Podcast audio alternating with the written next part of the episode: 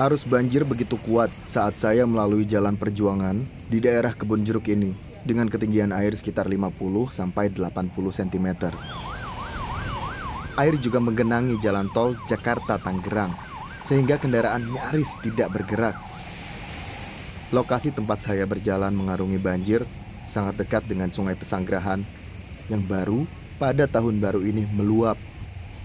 Akibatnya, permukiman banjir dan air menggenang hingga jalan tol. Deretan kantor dan pusat niaga di sepanjang jalan perjuangan tutup. Warga hampir tidak ada pilihan selain berjalan menerjang banjir seperti yang saya lakukan. Karena tidak ada transportasi umum yang beroperasi. Kebanyakan memilih tetap berjalan di aspal yang terendam air, meski sesekali tersandung bongkahan batu. Walaupun tergenang, beberapa mobil dan motor ada yang nekat menerjang banjir. Tetapi para pengendara akhirnya berputar arah karena banjir semakin dalam. Area trotoar yang terendam tidak aman karena belum ditandai oleh pekerja penanganan sarana dan prasarana umum atau yang dikenal dengan pasukan oranye. Seorang petugas, Sukron Hidayat, terprosok ke dalam lubang saat memulai tugasnya. Karena ada lubang air, resapan air yang tutupnya itu sempat apa sempat nganyut dan tidak uh, belum sempat ditandain pakai penanda juga.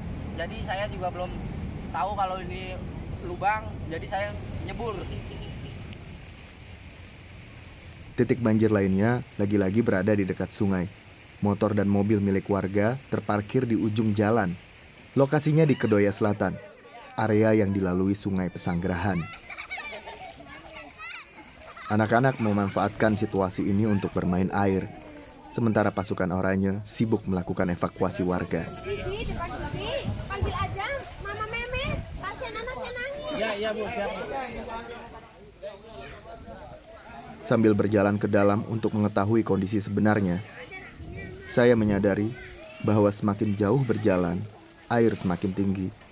Seorang ibu berusia tengah baya, Aziza, duduk di depan rumahnya dia membawa beberapa bungkus mie instan dan kebingungan mau dimasak di mana sebab rumahnya terendam hingga atap.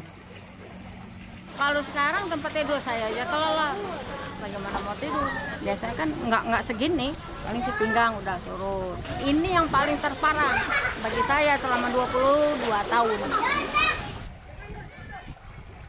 Saat saya berada di sini, langit kembali mendung. Azizah dan warga lainnya khawatir jika hujan datang lagi dan menyebabkan kondisi semakin parah.